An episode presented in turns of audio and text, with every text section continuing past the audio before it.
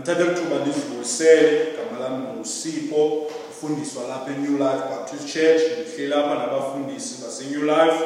Umfundisi khona nohamba ungumfundisi enkandla Baptist Church kwaye enkandla sifumana enkandla um kwaye sinaye umfundisi Johnson ungumfundisi eLighthouse Baptist Church eSewells Estate uh eSewells Estate so namhlanje sizawuthetha kancinci ngosindiso kodwa sawuthatha sawuthetha phansi kwesihloko esithi uh kumele ngithini na ukuze ndisindiswe? Kwaye lena sifumana kwincwadi yezenzo chapter 16 verse 30 ifuna ngohlobo wababiza phandle wathi zinkosi ndimelwe ukuthini na ukuze ndisindiswe bathi ke bona kholwa kuyo inkosi uYesu Kristu wosindiswa wena nendlu yakho. But phambi kokuba siqhubekeke siye phambili sawucela umfundisi unohamba asivulele ngomthandazo. Masithandazeni bawo simakade wena unini into zonke wena uthixo somandla wena uthixo ongahlulwanto wena uthixo onganqatyelwanto siyakubulela kumkani sithe nkosi ngelithuba malusolungileyo sithe nkosi somandla ngezwi lakho sithe nkosi kumkani kakumkani ngenceko ohlala njalo senzela zona wena. Siyakuthandaza ke nangelithuba malusolungileyo ukuthi usincede somandla. Ulungise intliziyo zethu zilungiselele ukuthetha kwakho wena mnini into zonke. Sukuthandaza somandla ukuthi uncede somandla usebenze ngelithuba kumkani kakumkani ukuze uzukiseke wena mnini into zonke. Ndikuthandaza somandla ukuthi usincede usase ngomoya wakho ingcwele sithi sele sithetha somandla singathethi okwethu ukuthanda kodwa inyaniso zezwi lakho wena into zonke. Ndiyakuthandaza ukuba ukhona ubani umameleyo ongazaniyo nonyanakho njengenkosi nomsindisi wempilo yakhe afikelele ekwazini kumkani ndithandaza konke oku ngegama elihle lomfeli nelomvukeli wethu onguyesu kristu yethu. Amen. Amen. Siyabulela kakhulu umfundisi uh, namhlanje sijonga kule text yethu sawuthetha ngayo apha ah kandinika nje i-background yale ndawo uPaulos noSilas bashumayela ivangeli. Ezibeshumayela ivangeli kwesisixeko ah baye bathathwa bayofaka entilongweni ngoba kuye kwasindiswa intokazi apha yayinedimoni. And aba bantu babeyiphethe aba bantu babezinkosi zayo baye bazamiyelenkqe ukuthi uPaulos bahambe bayofakwa entilongweni. And kwaye ufaka kwakhe entilongweni apha baye banikelwa kumgcini mabanjwa. And kwaye isistory sethu sisukela kule ndoda yaseFilipi kusukela kule ndoda eyayingazani naYesu Kristu eyayabuza umbuzo obalulekileyo kakhulu. Kwaye lo mbuzo namhlanje uh, esifuna ukucacisa? Sifumana apha kuzenzo chapter 16 verse 30 zinkosi ndimelwe kukuthini na ukuze ndisindiswe? So namhlanje sizawuzama uphendula lo mbuzo nabefundisi bam. But okokuqala xa sizawungena sithethe ngale nto umbuzo endifuna ubuza wokuqala ingaba kwakutheni le ndoda ukuze ibuze lo mbuzo? And sizawunikela kumfundisi ujohnson azame ukusibonisa ukuba kwakutheni le ndoda yabuza lo mbuzo. Mfundisi.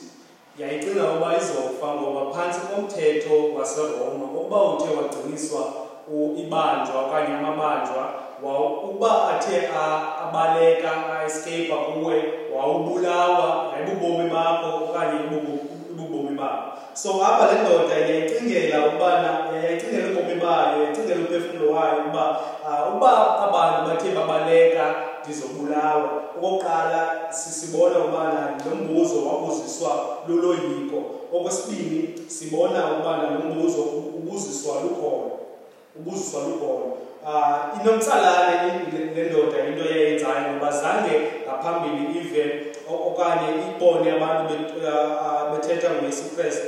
Kodwa apha yaye uh, yava upawulosi kwaye bedumisa uh, ebusuku bedumisa nje ebusuku ndiyaqonda ubana baye bashera bathetha ngoyesu kristu kwamanye amabanjwa. Kwaye nayo ihleli nje igcine bona opawulosi apha kwethongo yaye imamele imamele isenzela yonke le nto nje yaye nayo imamele kwaye kwaye uh, yayingafuni ukusindisa inyama yayo qha kodwa yayifuna ukusindisa umphefumlo wayo uh, wonke umuntu uyeza kuyesu kristu kodwa uza uh, ngendlela ezahlukileyo uza ngendlela ezahlukileyo. So wayengafuni uku- uh, ukusindisa inyama yakhe kodwa wayefuna ukusindisa umphefumlo wakhe.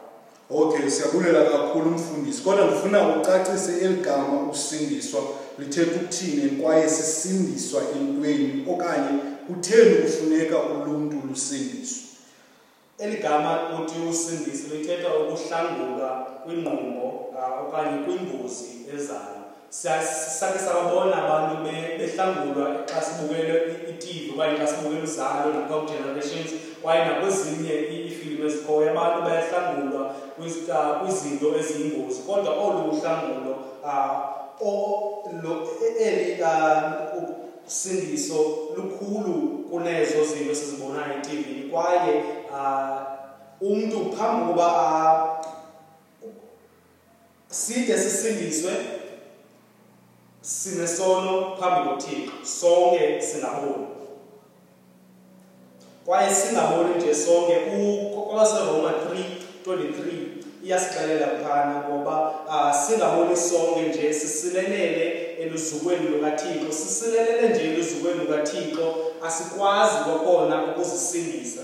Asikwazi ukusindisa. Xa sizama ukuthobela is- uh, umthetho kwaye isono uh, kukophula wonke umthetho kathixo kukophula umthetho kathixo. So u- u- uyazibuza uh, ukubana ukophula umthetho kathixo zintoni? Ukuba uh, ukuthetha back uh, ukuxoka uh, njalo njalo. So siyayibona apha zonke izinto esizenzayo uh, imihla nezolo sisono uh, kuthixo. Siphinde okwesibili sibona ubana uh, sonke siye siya esihogweni sonke siya esihogweni kwabaseroma chapter 6 verse 23 ithi phana kuba umvuzo wesono kukufa ke sona isibabalo sikathixo bubomi obungunaphakade kukristu uyesu inkosi yethu. So siyabona pha ukubana sonke siye esihogweni nje kodwa umvuzo wesono kukufa kodwa sinabo ubomi obungunaphakade kukristu. Uba sithe samamkela sizo- sizo- sizobe sinabo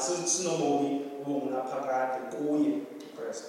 Ankosi kakhulu mfundisi xa bandikova kakuhle ukuthi le ndoda into eyenzekayo kwabakho kuloyiko entliziyweni yayo and kwaye kuloyiko kasilijonga kakuhle ngaba la- la- la- la- lenziwa lukholo entliziyweni yawo ngala madoda ashumayela uyesu kristu. And kwaye xa ucacisa usindiso uthi sisengozini kuba singaboni and njengesingaboni sisendleleni eya esihogweni ngatsho ukuthi umfundisi wami uphendule kakuhle yonke imibuzo endinayo uh, isaphendulekile.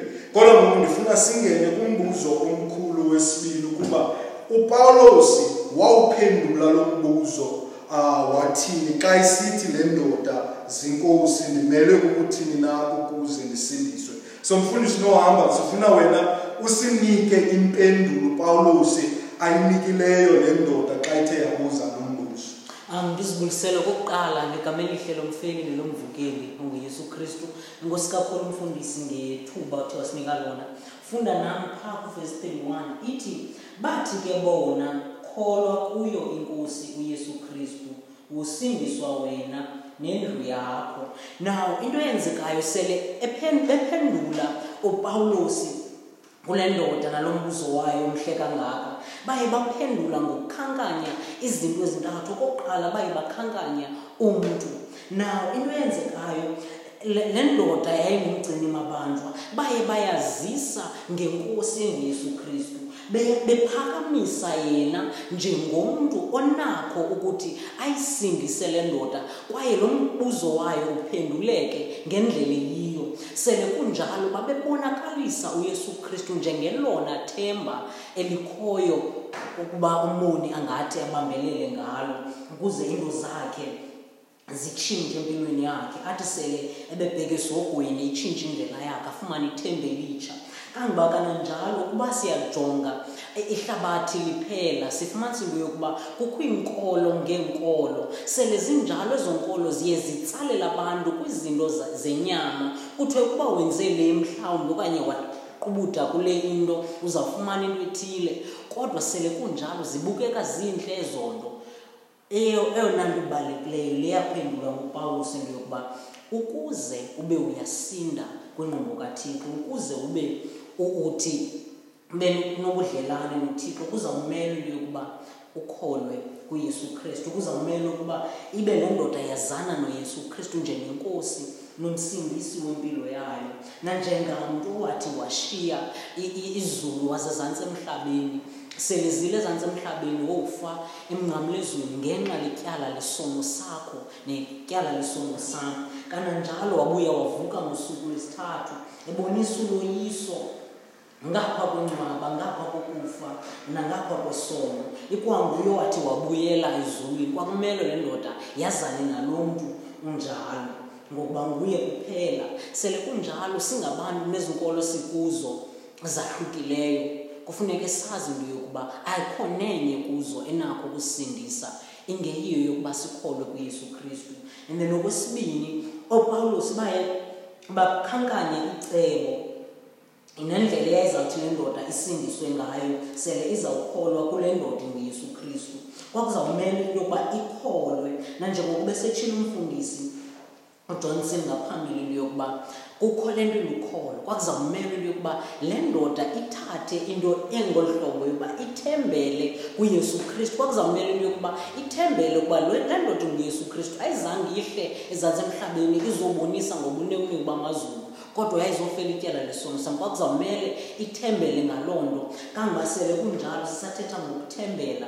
Uthi umfundisi xa ethetha kwa- la- ngeli xesha oopawulos babevumisa becula kangoba bezukisa uthixo. Yathi selimamele ndiyakholwa ukuba ngeli thuba le ndoda. Yayingekazi into yimbi ngevangeli ngaphandleni kokuba la madoda ayecula ayekholwa kwaye yayifuna nayo le nto. Baze bayichazele into yokuba kumele ikholwe. Selikholwa nje ingolu hlobo le nto seluhleli esitulweni emveni kwemini udiniwe uhleli ekhawushini. Into yenzayo uthembele into yokuba kwesi situlo uhleli kuso.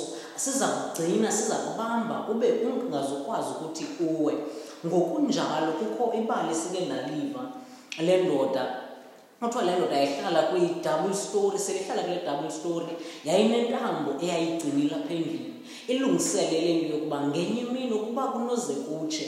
Ndizawukhupha le ntambo ngefestile sele ndiyikhupha nje le ntambo ngefestile ndizawukwehla ngayo. Ukuze ndibe ndiyasinda kulo mlilo ndizawuthembela ukuba le ntambo izawundehlisa ndiyokufika ezantsi emhlabeni.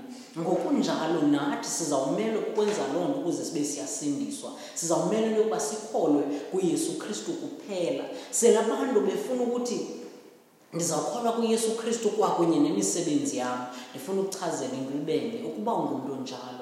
Ngeshwa usindiswanga kumele sikholwe kuyesu kristu kuphela. Njengoko xa uhleli esitulweni ukholwa ukuba siza kugcina soze sikuyise nale ndoda yayikholwa kule ntambo into yokuba ayinakho ukuphuncuka kule ntambo. Sizawumele senze loo nto. Kwaye okwesithathu siyabona nesithembiso esenziwayo ngala madoda kule ndoda kulomgcinimabanjwa ithi xa iphela phaa ekugqibeleni na nakubo sorry kuvesiteli one ithi wosindiswa wena nendlu yakho yonke. Ndifuna sijonge kwakhona eli gama nanjengoko umfundisi beke walikhankanya into yokuba usindiso iyintoni na. Ndithanda xa sithi ukuthi uhlangulwe kwingqumbo nakumsindo kathixo. Sisihlangulwa kwinto enjalo. Ewe abantu abaninzi ungasinda ezintweni ezininzi kodwa eyona nto ibalulekileyo kumele usinde kuyo yingqumbo kathixo kumelwe sibe siyasinda. Kwaye indlela esizawusinda ngayo ukuthi sikholwe kuyesu kristu ukuthi sibeke ithemba nokholo lwethu kuye. Kwaye esi sithembiso sawufezekiseka ezimpilweni zethu sokuba sisindiswe sihlangulwe sohlulwe kwaye sigcinwe sikhuselekile ngokuthi sikholwe kuyesu kristu. Ndiyabulela kakhulu umfundisi wami. Ah, nicacise kakuhle ah, eye- le- le mibuzo ndiyathemba umuntu omameleyo uye wacacelwa ngendaba yosindiso. Kubalulekile kakhulu lo ngumbuzo obalulekileyo ngaphezu kwemibuzo yonke kumele sisindiswe kumele sibe seluxolweni nothixo kwaye inye uyesu kristu kukholwa kuye kukholwa umsebenzi awayenzayo ekalvari ngexesha efela ityala lezono zethu. Ndithe kandijonga kakuhle ke le ndawo sifunda yonke ndabona neziphumo kulo mbuzo. And kwaye isiphumo kulo mbuzo into yokuqala le ndoda yaye yasindiswa. And kwaye okwesibini emveni kokuba isindisiwe le ndoda yaba novuyo enhliziyweni labo maybe okokuqala yayicinga opawulos nosilase ngeli xesha bebethiwe bephakathi kwentulongo behlabelela bezulisa uthixo uba aba bantu ingqondo abanayo. Kodwa naye kwaba kuvuyo empilweni yakhe ngenxa yokuba uthe wazamkelela uyesu kristu. Not only uye wafumana uvuyo ungcwaliseka e- empilweni yakhe ukwaneliseka uye simbona esebenza simbonile kuqala uye wabathatha upawulos wabaphosa kule ntilongo. Kwaye kamntu uphosa lithetha ukuthi wabaqhaya engakhathali ukuba bazawanjani okanye bazawelaphi uh, kodwa ngoku ithi ibhayibhile kwaye wabathatha wabasa endlini yakhe wabahlamba amanxeba abo emveni koko wabanika ukudla. Funa ukuthi nawe uba umamele mphulaphula ekhaya xa uthe wazamkelela uyesu krestu uzofumana ubomi obungunaphakade. Izono zakho zizoxolela and kwaye uthixo uzozalisa inhliziyo yakho ngovuyo olumangazayo. Ithi ibhayibhile kayithetha kakuhle luvuyo olo olugqitha ukuqonda. Zithi meko zithi sukonwaba ngenxa yokuba ungumntwana kathixo ube novuyo olumangazayo empilweni yakho. Um ndifuna ukuba uke wathatha isigqibo sokuthi uzamkelela uyesu krestu njengenkosi nomsindisi wempilo yakho usazise sawuzama ubeka phaya ii-details nokuba ufowunele umfundisi ujohnson okanye wafowunela umfundisi unohamba usazisa ukuthi ungamkela uyesu kristu kwenzele sizokuthandaza nawe and kwaye sibe khona empilweni yakho sizame ukunceda ukhule kuye uyesu kristu. Ndifuna unibulela kakhulu abafundisi bam um ngokuthatha elithuba lihlale nami kwaye nicacise ngalo mbuzo ubaluleke kangaka. Siyanibongoza ukuthi ngeli xesha le-lockdown umntu ahlale endlini yakhe afunde ibhayibhile yakhe and kwaye aye kofacebook uzawufumana phaa imessage kuxhosa resource. And kwaye qhubekeke thandaze sibe faithful uh siqhubekeke sithandaze ukuthi uthixo asincede ngeli xesha. Enkosini kakhulu inkosi yoxolo imsikelele